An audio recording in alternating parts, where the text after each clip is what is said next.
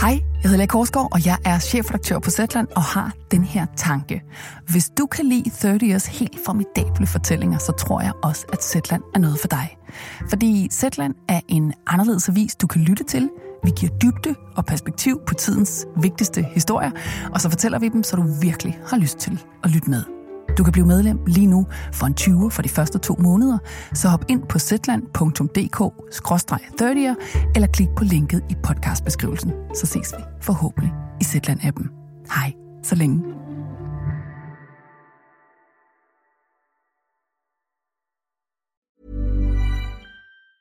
There's never been a faster or easier way to start your weight loss journey than with PlushCare. PlushCare accepts most insurance plans and gives you online access to board-certified physicians who can prescribe FDA-approved weight loss medications like Wigovi and Zepbound for those who qualify. Take charge of your health and speak with a board-certified physician about a weight loss plan that's right for you. Get started today at plushcare.com slash weight loss. That's plushcare.com slash weight loss. plushcare.com slash weight loss. Quality sleep is essential. That's why the Sleep Number Smart Bed is designed for your ever evolving sleep needs. Need a bed that's firmer or softer on either side? Helps you sleep at a comfortable temperature? Sleep Number Smart Beds let you individualize your comfort so you sleep better together. JD Power ranks Sleep Number number 1 in customer satisfaction with mattresses purchased in-store. And now, save 50% on the Sleep Number limited edition Smart Bed for a limited time. For JD Power 2023 award information, visit jdpower.com/awards. Only at a Sleep Number store or sleepnumber.com. Du lytter podcast fra Third Ear. Det her er 10. kapitel i serien Konspirativ Kærlighed.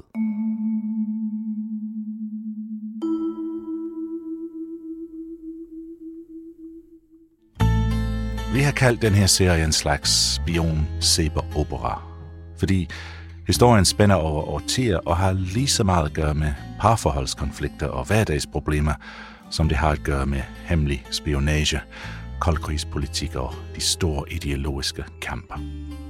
Og typisk fortsætter en sæbeopera ud i det uendelige. Men vores historie skal snart nå til enden, fordi vores historie er selvfølgelig ikke billig fiktion.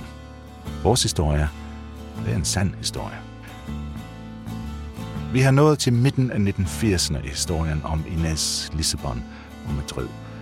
Og det er måske værd at tænke over på det her tidspunkt, at ingen vidste, at The Wind of Change allerede var på vej over Europa. Ingen vidste, at det bare var få år tilbage fra kommuniststyrets jerngreb over Østeuropa. Ingen vidste, at fremtidsudsigterne som Stasi-spion var meget begrænset. Fordi i slutningen af 1989 vil det hele falde fra hinanden meget hurtigt. Vi er i den sidste fase af vores historie, og dengang er det tid til et comeback. Madrid, ham som det hele begyndte med, er vendt tilbage fra hans eksil på en fjern finsk kartoffelfarm efter et falderet forhold til en finsk kaptajns enker. Og nu skal vi følge hans spor her i Danmark. Hvis du er vendt tilbage fra et fjern finsk kartoffelfarm, hvor vil du vælge at leve det vilde, hemmelige, flamboyante og farlige spionliv?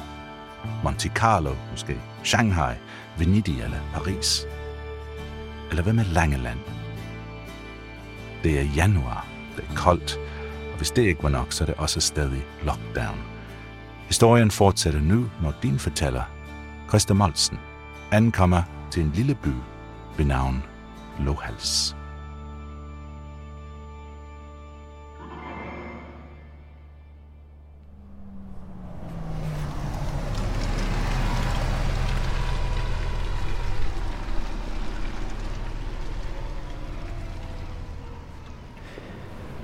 Der kom den sidste bus, må det simpelthen være, til Lohals. Den var tom. Den vendte bare lige hernede på havnen og kørte tilbage igen. Jeg er i Lohals på det øh, nordlige Langeland, som er en lille bitte by. Jeg står nede på havnen. Jeg har lidt rundt og kigge igennem byen nu. Klokken er 8 om aftenen, det er januar, det er tirsdag. Og jeg er fuldstændig dødt. Der sker ingenting. Jeg har ikke set et andet levende menneske udenfor. Alt er lukket. Der ligger en, øh, en bar hernede på havnen. Der hedder Den Gyldne Hund. Men der er bare et stort skilt foran, der står blaffer i vinden, hvor der står lukket. Jeg har fra juli i år købt et parcelhus på øen Langeland. Huset har fem mindre værelser og er udstyret med et oliefyr. Øen Langeland råder ikke over nogen industri. Generelt fremstilles der af indbyggerne hovedsageligt keramik i små virksomheder. Men det eneste større foretagende er en ostefabrik i Rødkøbing. Jeg har lige tjekket ind på en lille bed and breakfast, der underligt nok havde åben. Han, øh, ham, ham, der gav mig nøglen til mit værelse, han sagde, at øh, de så det som et lille mirakel, når de fik gæster i januar. Så det er ikke et sted, der bliver besøgt af nogen som helst uden for sæsonen. Ja, det skriver Madrid også i øh, sine rapporter. Han skriver, at her er meget stille om vinteren. I løbet af vinterhalvåret er hele øen så godt som uddød. Den bestående færgetrafik er underbemandet og bliver hovedsageligt benyttet af pensionister og forretningsrejsende. Der er ikke nogen politistationer eller lignende på Langeland. Kun én politibetjent, en lokalbetjent, skulle efter sine være til stede på øen. Jeg har dog i min tid her på øen endnu ikke set denne betjent. Det blæser lidt, og ellers... Ja, så bare stille og forladt. Ja, øh, ikke rigtig noget at komme efter. Skulle man tro. Men alligevel, så bor Madrid, Stasi-agenten Madrid, han bor her fra 1984. Hvad skal han her? Hvorfor er Madrid i Lohals?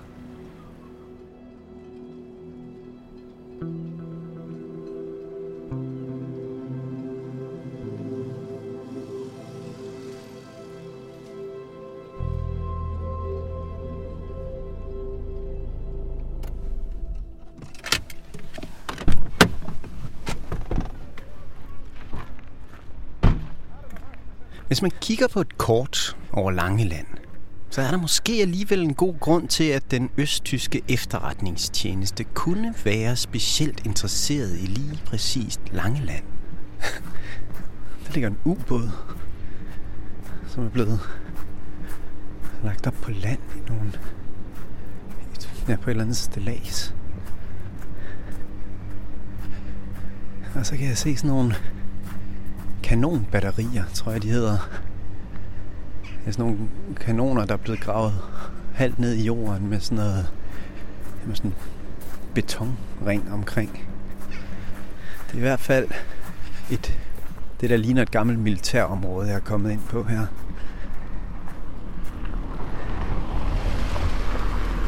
Langelandsfortet hedder det. I den sydligste ende af øen, der ligger Langelandsfortet. Og under den kolde krig, der var det et af de vigtigste steder i hele Danmark for det danske militær. En af Danmarks to knytnæver mod øst, sammen med Stævnsfortet, så etablerede man to kampstationer, hvis man kan kalde det det. Og målet med Langlandsfortet og med Stævnsfortet var at beskytte de minefelter, som man i tilfælde af krig ville lægge ud i de danske farvande for at holde Sovjetunionens og Polens og DDR's flåde inde i Østersøen. I dag er Langelandsfortet et koldkrigsmuseum, og museumslederen er koldkrigshistoriker Per Henrik Hansen. Og jeg besøger ham for at spørge, om han måske kan hjælpe mig med at svare på, hvad Madrid laver på Langeland. Vidste du, at Stasi havde agenter på Langeland? Nej. Nej. Men det giver mening, fordi det materiale, vi faktisk har liggende her, Mm. Det er et kæmpe materiale, som beskriver de områder, hvor vi i dag ved, østtyske soldater skulle indsættes. Per har en kasse stående midt på bordet, fuld af dokumenter og en hel masse fotografier og landkort over Langeland. Hvis den kolde krig var blevet varm i den, i den sidste del af i 80'erne, så var det blandt andet østtyske styrker, der skulle gå i land på Langeland. Der ville man bruge en, en 100 kiloton af atombombe til selve Langelandsfortet. Nu kigger vi på kortet. Det er her cirka. Bum. Så heroppe i Østerskov, der var så en strand, der var velegnet til at gå i land. Der smider man så den taktiske atombombe på de 40 kiloton, og få ryddet eventuel modstand derop, sådan så man bare kan gå direkte i land, køre ind, ramme hovedvejen, og så køre op, og så bevæge sig videre op igennem. Men kan man smide atombomber, og så bagefter komme med tropper Kan igennem? der sagtens. Det er bare farligt for tropperne. Det er farligt for tropperne, og har du rigeligt af dem, så er det ikke noget problem. Han tager de første dokumenter op af kassen. Et kort over Langeland og en hel masse farvefotografier af stranden og af havneområdet. Og af skrænter, der ligger ud til vandet. Indtil i dag har Per Henrik Hansen ikke haft nogen idé om, hvem der har taget de her billeder. Hvad kan de bruge en mand til i Lohals? Det kan vi jo. Nu kan du prøve at se her. Det, du, vi sidder og kigger på et kort over Langeland. Mm. Vi ser en rød streg langs Langelands vestkyst, ind over toppen, op ved Hår, forbi Lohals. Så det vi sidder med her er potentielt noget, jeres østtyske kilde har indhentet og bidraget til. Vi kan ikke være sikre på, at det er Madrid, der har taget billederne og sendt kortene, som er i de østtyske invasionsplaner for Langeland. Men jeg kan se i Madrids Stasi-rapporter, at han bliver bedt om at sende detaljeret kort hjem over Langeland. Og der er også nogle fotografier, som han i hvert fald har taget fra havnen i Lohals. Her der har du så kyststrækningerne rundt omkring Lohals. Der har du Lohals Havn. Og sådan fortsætter det. Vej ved Tranekær, ikke? Og så beskriver den, den er cirka 4 meter bred. Strandene øh, fortæller lidt om, jamen der er en, en opstigning til, til baglandet, og det ene og det andet og det tredje. Hva, kan, kan, kan, kan vi køre med tunge kampvogne her? Når man sidder med de østtyske Langelands invasionsplaner i hånden, så er det ikke længere så mærkeligt, hvorfor Madrid er endt netop her. Jeg tror, at han er blevet udstationeret, fordi de skal kunne operere, de skal kunne navigere på Langeland i tilfælde af krig eller i tilfælde af en konflikt. Madrid er omkring de 60 år, da han flytter til Langeland. Han kommer direkte fra Finland, hvor forholdet til den finske kaptajnsænker og kartoffelfarmer må være gået i stykker. Han flytter alene ind i et lille rødt murstenshus i Lohals, og han sender billeder af huset hjem til Stasi. Grundstyk fra Madrid står der skrevet i hånden under billedet. Og jeg kan se, der er en lille forhave foran huset, og et frugttræ op ad den ene gavl. Og så står der en flot, gammel BMW 70'er model i indkørslen. Mit hus er et parcelhus. Det ligger langs med en fast vej i midten af randbebyggelse, cirka to minutter fra stranden til Østersøen og uden for centrum af den lille landsby. De små huse ligger med cirka 20 meters afstand til hinanden, afgrænset af en til hver ejendom tilhørende forhave. Der er ikke nogen adresse på det her billede. Og der står ikke noget sted i rapporten, hvor præcist i Lohals Madrid har boet. Men den slags er der heldigvis folk, der kan hjælpe mig med. Goddag. Hej. Godt at møde dig. Jeg har svært ved at forestille mig, at der findes nogen, der ved mere om Langeland end Tessa Clausen. Hun er formand for Nordlangelands Lokalhistoriske Arkiv, som er to lokaler i den ene ende af et gammelt plejehjem. Jeg har, jeg har nogle papirer med, jeg godt kunne tænke mig at vise dig. Kan vi... Må, må jeg det? Der er reoler fra gulv til loft, fyldt med mapper, papir og gamle bøger. Vi har snakket i telefon i forvejen, så Tessa har forberedt sig lidt. Hun har allerede lagt nogle papirer frem på bordet til mig. Og hun har allerede fundet Madrids adresse i Lohals. Fordi vi har så slået op i telefonbøgerne, der kan vi jo så se, hvornår øh, Gerhard har boet der. Mm. Han har haft et telefonnummer der. Jeg skal lige se. Madrids rigtige navn er Gerhard. Så det er selvfølgelig det navn, der står i telefonbøgerne. Og der kan vi så se i 90 91, der står han med telefonnummer. Og 92 93 og 94 95. Før det der kan vi ikke se, han står med telefonnummer. Madrid har boet på en villavej ikke ret langt fra havnen i Lohals. I nummer 17. Og det er det hus, han har sendt billeder hjem til Stasi af. I det her hus. Det er et billede, han selv har taget, det der. Ja. Det passer godt nok med, at det er nummer 17. ikke? Ja, ja, jo, jo, det er fint. Jo, det er helt, helt fint. Hans bil, der holder det udenfor. Tessa har også allerede ringet til en af Madrids gamle naboer, for at høre, om man kunne huske ham. Fordi jeg snakkede til ham, jeg så snakkede med naboen der, han sagde, at han kunne huske hans bil. Og det var sådan en grønlig BMW, mente han det var. Ja, Jeg ved ikke, om det der er en BMW. det ligner det. Jeg gør det ikke det? Jo, det gør det. Ja. Det ligner en gammel BMW. Ja, det har det nok været. Og Tessa selv, hun boede faktisk også på den samme villavej, dengang Madrid boede der. I midten af 80'erne. Men du boede lidt længere ned ad Ja, jeg bor lidt længere ned ad vejen, ja. Kan du huske ham? Kan du huske? Altså, jeg kan godt huske, ja, jeg kan godt huske, der boede en tysker der, og jeg kan godt huske, at han kørte rundt. Øh, men, men jeg kan ikke sætte et ansigt på ham. Nej. Han kørte rundt. Hvad lavede han? Jamen, øh, han lavede vel egentlig ikke ret meget. Nej. Altså, Wilhelm der, som jeg snakkede med, han, øh, han sagde, jamen han, han kunne slet ikke forestille sig, at, at han kunne have lavet enten at drikke bajer. og han har aldrig set ham med et kamera. Tessa har også fundet skødet på Madrids gamle hus. Jeg har været inde og kigge i huspapirerne i ejendoms, og han har aldrig ejet det hus, han må have boet til leje hos en eller anden. Ja, Kan, kan du vise mig, hvem der har ejet det? prøv at se. Nu ser vi kommer herned. I 84 er der Ja, skøde fra... Det navn der, Nå. det er Lissabon. Det er en af de andre tre agenter.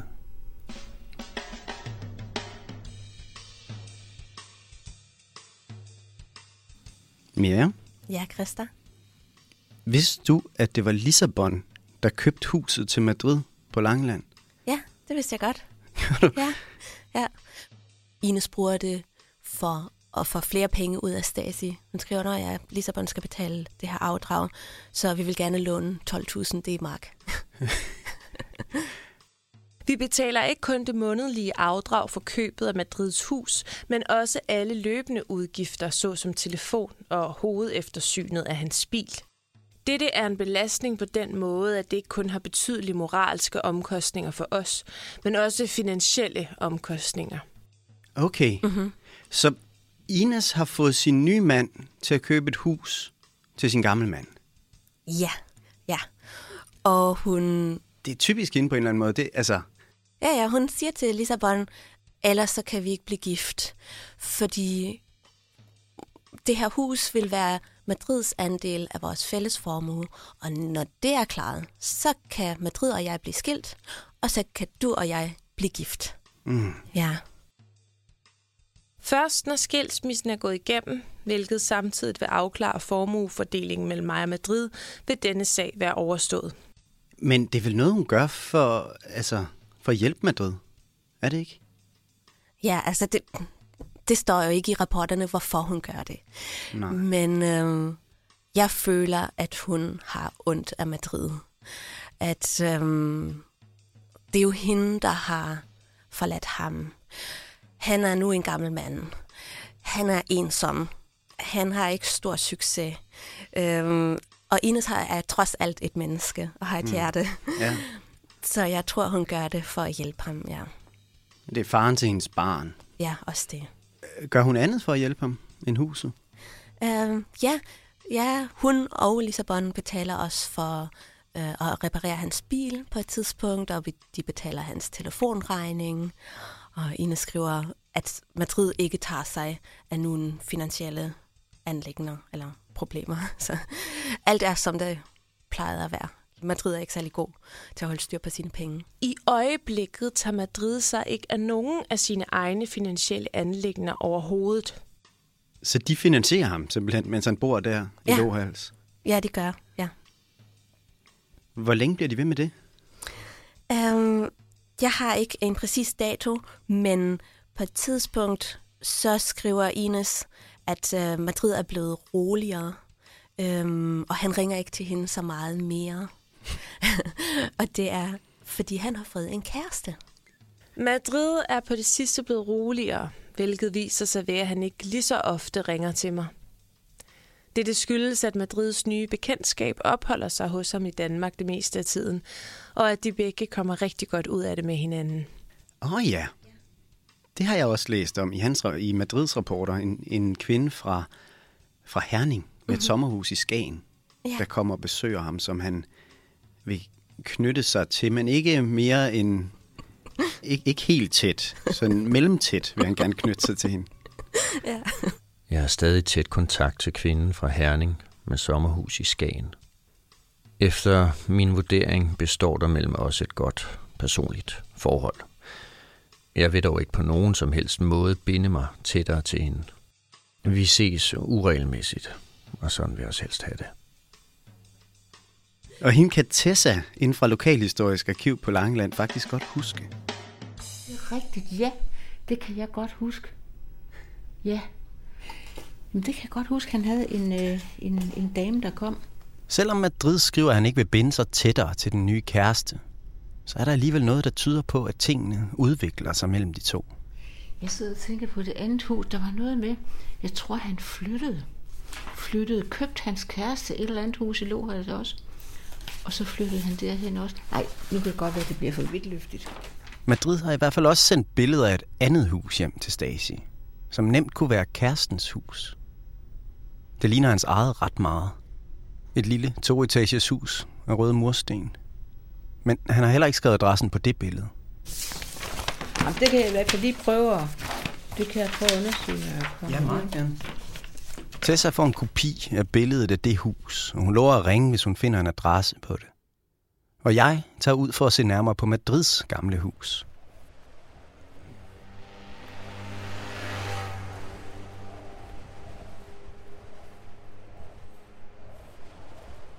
Mit hus har fem værelser til rådighed som beboelsesrum, hvorved køkken og entré ikke er medregnet. Til mig selv behøver jeg først og fremmest rummene i stueetagen. Begge værelser i husets overetage vil kunne bygges ud som gæsteværelser. Nummer 17. Det er det her hus. Det er der ingen tvivl om. Der stod træ før op ad siden af huset. Det er blevet fældet, kan jeg se. Men ellers... Så ligner det sgu sig selv fuldstændig for den gang. Hvide vinduer. Og en hvid sokkel. Med røde mursten. Min vurdering af området beror på et nu næsten toårigt ophold i Danmark. Efter Madrid har boet i Lohals i et stykke tid, så begynder han og Stasi at lægge store, hemmelige planer for Madrids lille parcelhus. Er en meget stille villavej. Det ligner et sted, hvor man godt kan få lov til at passe sig selv, som han jo også siger, at han, at han gør. Med udgangspunkt i husets beskaffenhed, den rolige og upåfaldende beliggenhed, sammenholdt med danskernes fremherskende frimodige og tilbageholdende mentalitet, mener jeg, at mit hus ville være det oplagte sted at indrette et konspirativt støttepunkt. Jeg kan se i Madrids Stasi-rapporter, at han flere gange får penge af Stasi til at etablere det, de kalder et konspirativt støttepunkt. Meningen er, at Madrid skal indrette sit hus, sådan at han kan hjælpe østtyske tropper, hvis Langeland en dag skulle invaderes af Østtyskland. Jeg vil kunne istandsætte begge værelser i overetagen til dette formål. Et konspirativt støttepunkt. Madrid har planer om at gemme hemmelige agenter eller faldskærmstropper på første salen som forberedelse til en invasion. Han skriver til Stasi, hvordan de i al hemmelighed og i ly af natten vil kunne snige sig op igennem hans baghave, uden at blive set. Yes, det er Madrids gamle hus, og nu er jeg på bagsiden af det. Og bag ved Madrids gamle hus, der ligger der sådan nogle, altså sådan et, et ubebygget område, der bare har fået lov til at, at stå. Så det er sprunget sådan lidt i skov. Der er nogle brumbærkrat, nogle træer, og ellers bare sådan noget eng. Så Madrid har fuldstændig ret i, at det vil være nemt at komme til huset, uden at blive set den her vej fra. Og så kan man komme ned her. Og det er ikke kun på første salen, at Madrid har konspirative byggeplaner.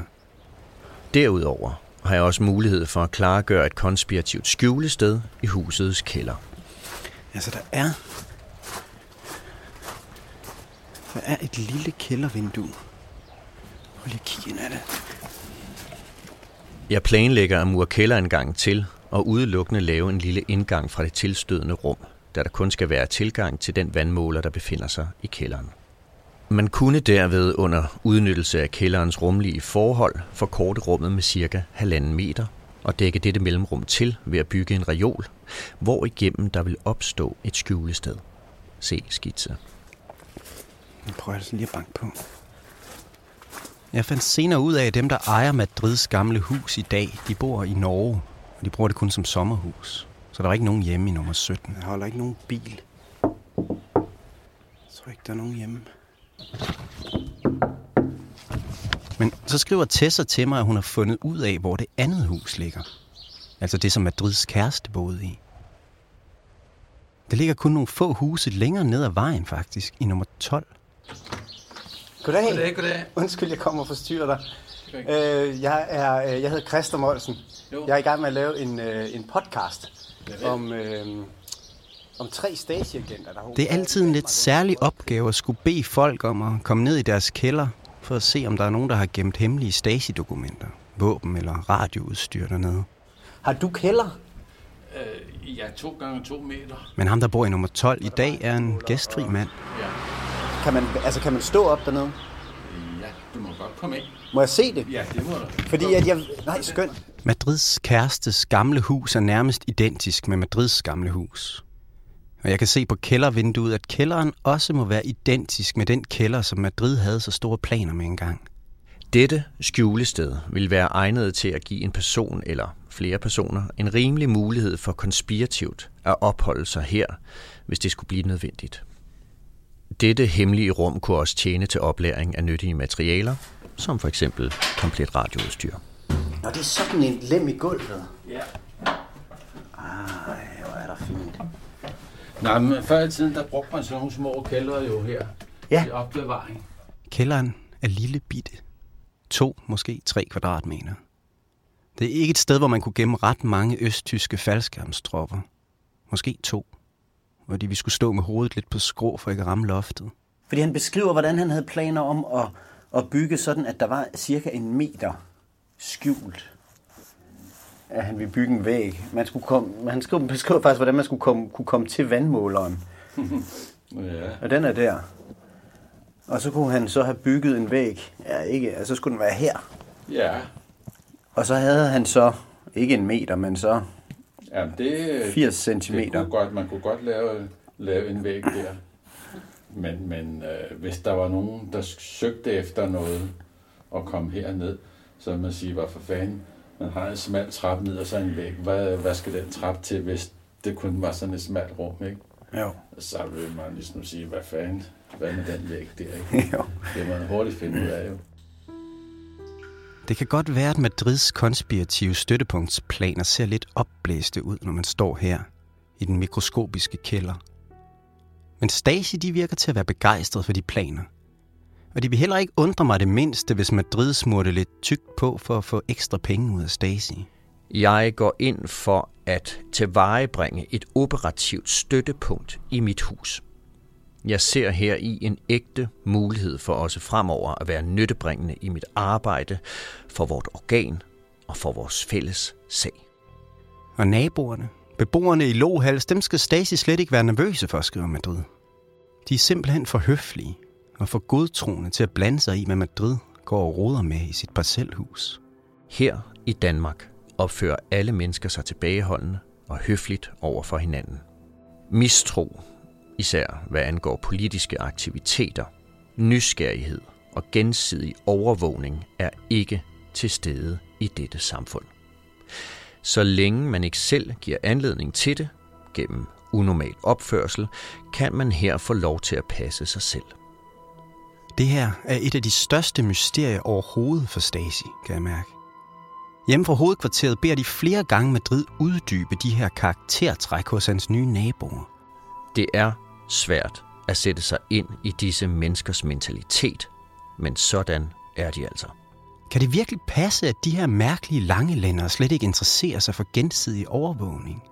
Kan det virkelig passe, at der ikke er nogen, der er mistroisk over for Madrid? Hvad er det for et mærkeligt samfund, han bor i? Madrid må forsøge at forklare igen og igen. Hvad angår sikkerhedsspørgsmålet, må jeg endnu en gang betone, at særligt de her fremherskende menneskelige tænke- og handlemåder adskiller sig grundlæggende fra dem, der kendes i Østtyskland. Jeg vil ligesom Stasi gerne vide, om der der ikke er nogen i Lohals, der lagde mærke til Madrid, da han var her. Og Tessa har givet mig et par navne på nogle gamle naboer.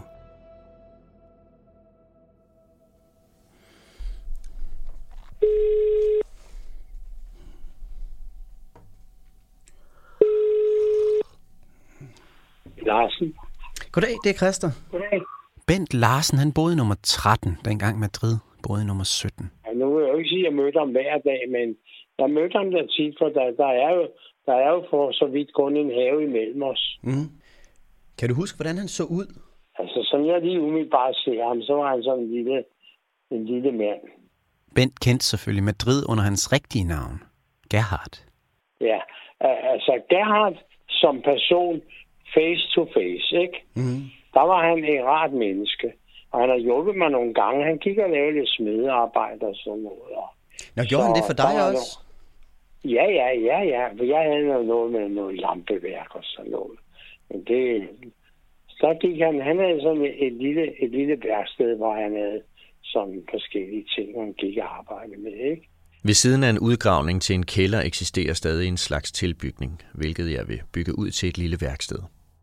Fremadrettet planlægger jeg officielt at anmelde en mindre håndværksvirksomhed, for derigennem at sikre mig en passende biindtægt og en passende legende for lokalbefolkningen her. Madrid skriver hjem til Stasi, at hans værksted og hans smedearbejde er en legende, som han bruger over for lokalbefolkningen. Men jeg kan ikke lade være med at tænke på, at det også må være det, som Madrid bruger langt det meste af sin tid på, mens han bor i Lohals. Så fik han sig en, en, en veninde, en sød dame, og, øh, hun spillede lidt guitar, og de hyggede sig åbenbart. Kan du huske hende? Jamen, jeg kan godt huske hende. Hun var, ikke så, hun var sådan en lille dame, en lille sød dame, der spillede lidt guitar, og de hyggede sig lidt derhenne og sådan lidt, ikke? Og sådan, men det meste af hans tid, det gik med at sidde på bænken henne i, i gården og, og så drikke nogle øl. Det må jeg godt lide. Når jo flere ører jeg fik, jo højere kom musikken på radioen. Og så råbte jeg jo, sluk for helvede den radio, der har, og så skulle kruder ned. Så fik han en bajer til, så skruede han op igen. Det er vi sgu meget sjov med. Der var, der var som ikke så meget. Der var som ikke så meget hemmeligt i noget af alt det der. Han var, øh, han, han, var, han var en sød og jovialt menneske. I hvert fald det, jeg kender til ham. Jeg kan ikke sige noget ondt om ham. Det kan jeg ikke. Om han har været hemmelig agent, eller hvad han har været, det har jeg aldrig nogensinde haft nogen. Altså, altså hemmelige agenter er jo hemmelige agenter, så de render jo ikke og skilter med, hvad de er, vel? Nej. Men, øh, men det kunne godt forestille mig, måske han var så lidt af en mystiker, ikke? Når Madrid ikke drak øl på bænken i sin egen have i slutningen af 80'ernes lohals, så kan man tit finde ham nede på havnen. Hvis der er nogen, der ved, hvad der foregår på havnen i en lille by, så er det hende, der arbejder i grillkiosken nede på havnen. Og i slutningen af 1980'erne hed hun Trine Jensen og var teenager i Lohals. Fra 1984 til 1994, Ja. der var jeg kæreste med en, det er Niels. Ja. Og han havde sådan, nede på havnen havde han den der en grillkiosk, det hed Oasen. Og der arbejdede jeg nemlig henne. Ja. Og der havde jeg jo frit udsyn over hele havnen jo. Der kom ikke så mange mennesker på havnen i Lohals dengang, så Trine kunne slet ikke lade være med at lægge mærke til Gerhard, der var der hver dag. På det tidspunkt, hvor Gerhard var der, der har det jo heller ikke været som... Og der var der godt nok turister og sådan noget, ikke? Men lige snart sommeren den var forbi, så var de jo væk igen jo, ikke? Men Gerhard, han var jo sådan, han hørte jo sådan til bybilledet måske, ikke? Øh, på en eller anden måde. Nå, det er Gerhard. Fordi du kunne jo tydeligt kende den der bil, når han kom kørende. Han har holdt jo på havnen altid med den der bil der, eller kørt stille og roligt op ad Østergade, eller op ad Søndergade, eller... Men jeg kan tydeligt huske den der bil der. Den var sådan gul, det var en gul BMW.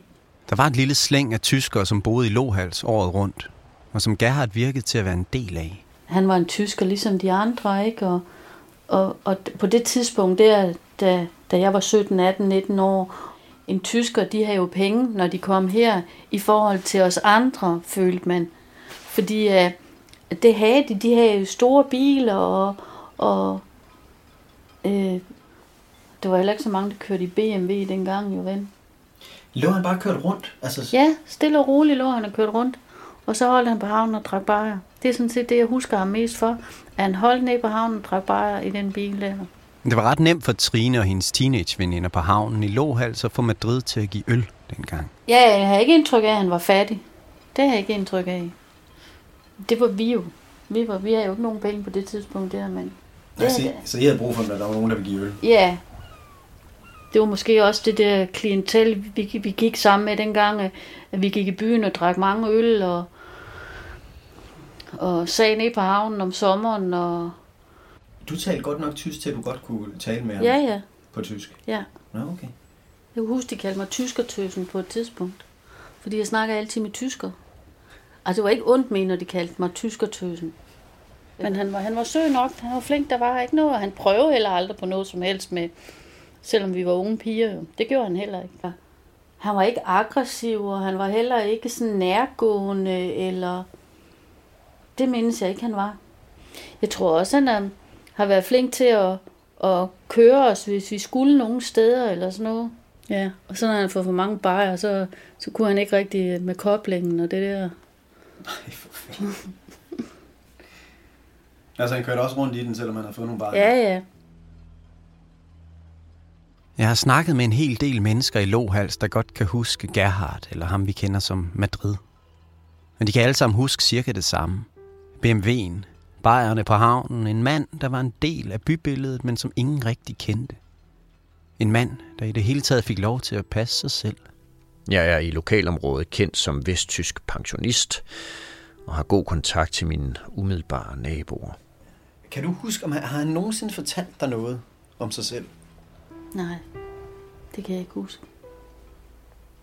Hvorfor han var her, eller hvor Nej. han kom fra, eller hvad, hans, hvad for et liv han havde haft? Nixon. Kan du huske at have snakket politik med ham nogensinde? Nixon. Altså folk var, var snage jo heller ikke sådan i, i folks ting, eller hvorfor kommer han her? Han var bare en af de, de der tyskere, som måske øh, drak for mange bajer, og som blev hængende, ikke? Det, det var i hvert fald sådan, jeg, jeg har tænkt om ham. Sådan levede Gerhard sit stille dobbeltliv i overvis, virker det til. Fra 1984 og frem til 1989 bliver han troligt ved med at rapportere alt muligt fra sit liv på Langeland hjem til Stacy. Han skriver rapporter om for eksempel færgeruten fra Langeland til Kiel.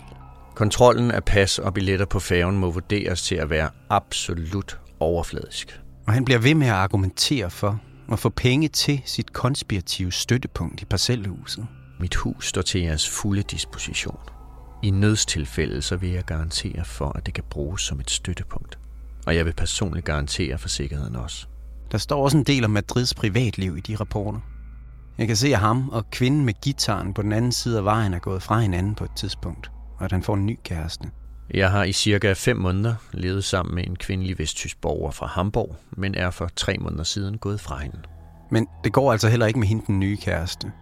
Og det sidste, der står om kvinder i Madrids Stasi-rapporter, det er, at han er færdig med dem. Jeg har ingen intentioner om igen at knytte mig tæt til en kvinde. I slutningen af året 1989 falder Berlinmuren. Østtyskland holder op med at eksistere, og Stasi holder op med at eksistere. Og Madrid holder selvfølgelig op med at sende rapporter hjem fra Langeland. Men han bliver boende. Det sidste, der står på den allerbagerste side i Madrids mappe, er en lille helbredsupdate. Helbredsmæssigt går det ikke alt for godt, da følgerne af ulykken i 1973 forværres i takt med min stigende alder. I foråret og efteråret er skavankerne særligt store. Med socialistiske kamphilsner, kammerat IM Madrid. Og nedenunder den her update fra Madrid kan jeg se, at hans gode gamle føringsofficer Hans Kusche har skrevet noget i hånden. Der står bare fire lidt opgivende ord. Was kan er nutzen? Altså, hvad kan han nytte? Og så er der et stort spørgsmålstegn. Jeg ved ikke, om Hans Kusche når at få svar på det spørgsmål, inden muren falder i 1989. På det tidspunkt er Madrid 65 år gammel, og han har været på Stasis lønningsliste i over 20 år. Men der, i 1989, holder pengene fra Øst jo altså op med at komme til Madrid. Fra den ene dag til den anden. Og jeg kan forestille mig, at Madrid han går og mangler de penge. men øh, jo længere tid han var her, det kan jeg huske, jo mere langskægget og sådan lidt usovineret. Og han til sidst sådan erindrer jeg mere, at han var sådan en, en stakkel til sidst. Sådan snusket blev han at se på måske. Mm. Ikke sådan, at han, han var stadigvæk flink, ikke? men det tager måske på ham, at han drak alt i bajer. Sådan kan man sige det måske. Ikke? Ja. Og bilen blev ramponeret også, ikke? fordi han også har kørt, han, han har kørt galt i den på et eller andet tidspunkt, hvor den så måske ikke er blevet lavet, eller sådan et eller andet. Ikke? Der er en notits på en enkelt linje i et opslagsværk på Nordlangelands Lokalhistoriske Arkiv. Det er en liste af dødsfald på Langeland. Der står bare, at Gerhard er død i sit hjem i december 1994, 69 år gammel.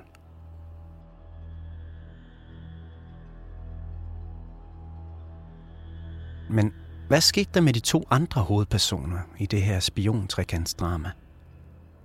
Hvad skete der med Ines og med Lissabon? Det er næste gang i Konspirativ Kærlighed. Hej Christa. Hej Tim. Du er på medhør her med Miriam. Hej Tim. Hej Miriam. Vi har fundet dem. Vi har fundet Ines og Lissabon.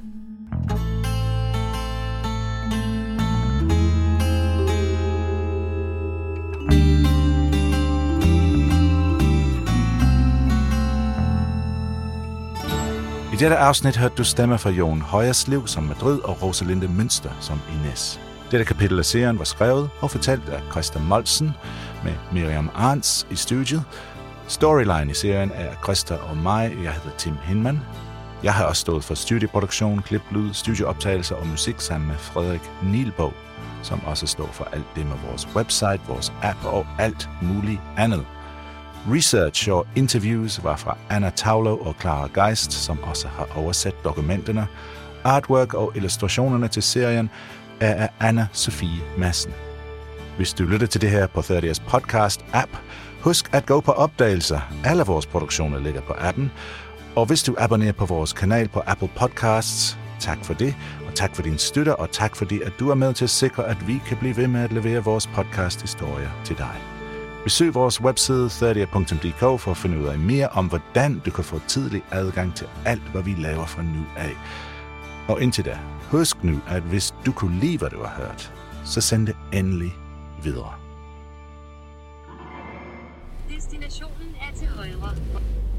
Der. Hvad er det her? Der er lys. Vil du ikke parkere lige her? Kan jeg ikke godt det? Jo. Tror du ikke, det er der? Tror du ikke det? Må vi se.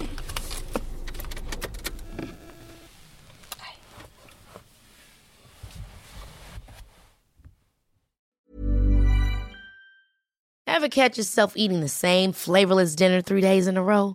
Dreaming of something better? Well, HelloFresh is your guilt-free dream come true, baby. It's me, Kiki Palmer. Let's wake up those taste buds with hot, juicy pecan-crusted chicken or garlic butter shrimp scampi. Mm. Hello Fresh. Stop dreaming of all the delicious possibilities and dig in at HelloFresh.com. Let's get this dinner party started.